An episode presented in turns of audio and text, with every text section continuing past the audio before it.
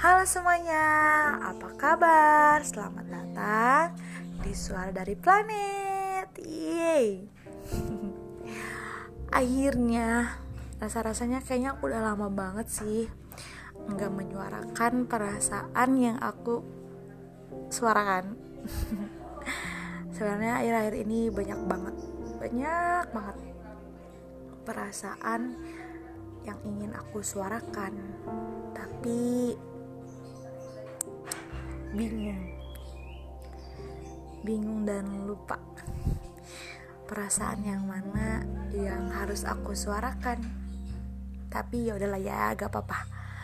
Karena hari ini special day karena sekarang tanggal 22 Desember 2020 Setiap kali aku berdiri di depan cermin besar dalam kamarku, pada wajahku aku melihat ibu. Kata orang, senyumku persis senyumnya. Hidungku ini mirip hidungnya. Dan kalau kami kenakan pakaian yang sama, aku menjadi ibu versi lebih mini dan lebih muda tentunya. Sampai-sampai kalau sedang silap, siapa pun bisa salah duga.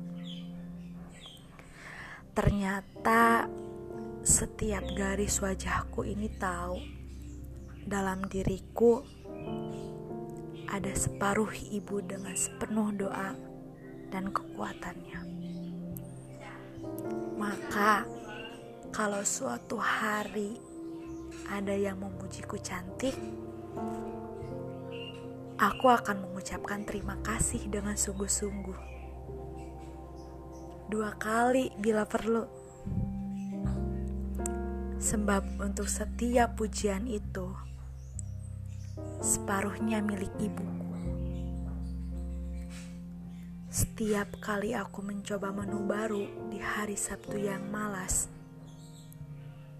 aku akan mengingat ibu. Bukan karena ia pandai memasak, bukan pula karena ia ajariku bagaimana caranya memasak, tapi lebih jauh dari itu, lebih dalam Indraku dibentuknya sejak hari pertama degup jantungku ada. Dalam tubuh ibu, aku mencicipi macam-macam rasa yang dicicipi lidahnya. Bahkan setelah lahir dan kami tak lagi berbagi ruang, dibaginya aku air dari susunya maka aku tumbuh besar. Aku tumbuh sehat. Sebab setiap bagiannya memberiku air kehidupan.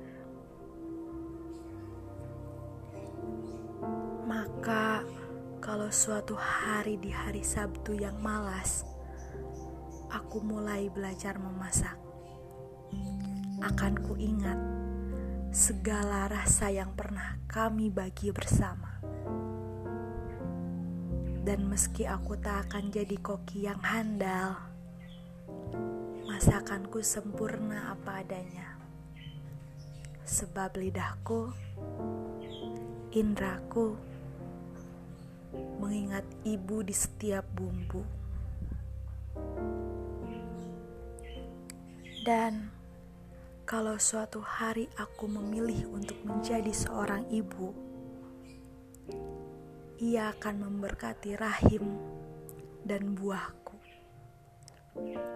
Ia akan menggendong cucunya lewat rengkuh tanganku yang sudah dipersiapkannya seumur hidup. Nalurinya menjadi naluriku naluriku naluri ibu tapi jika akhirnya hidup harus mengambil ibu lebih dulu daripadaku, aku akan terus hidup untuknya. Sebab di dalam hidupku, ia hidup seperti aku dulu hidup di dalamnya. Maka Meski hari-hari ke depan tak punya jaminan apa-apa, aku akan tetap kuat karena doanya. Dan selamat karena aku anaknya.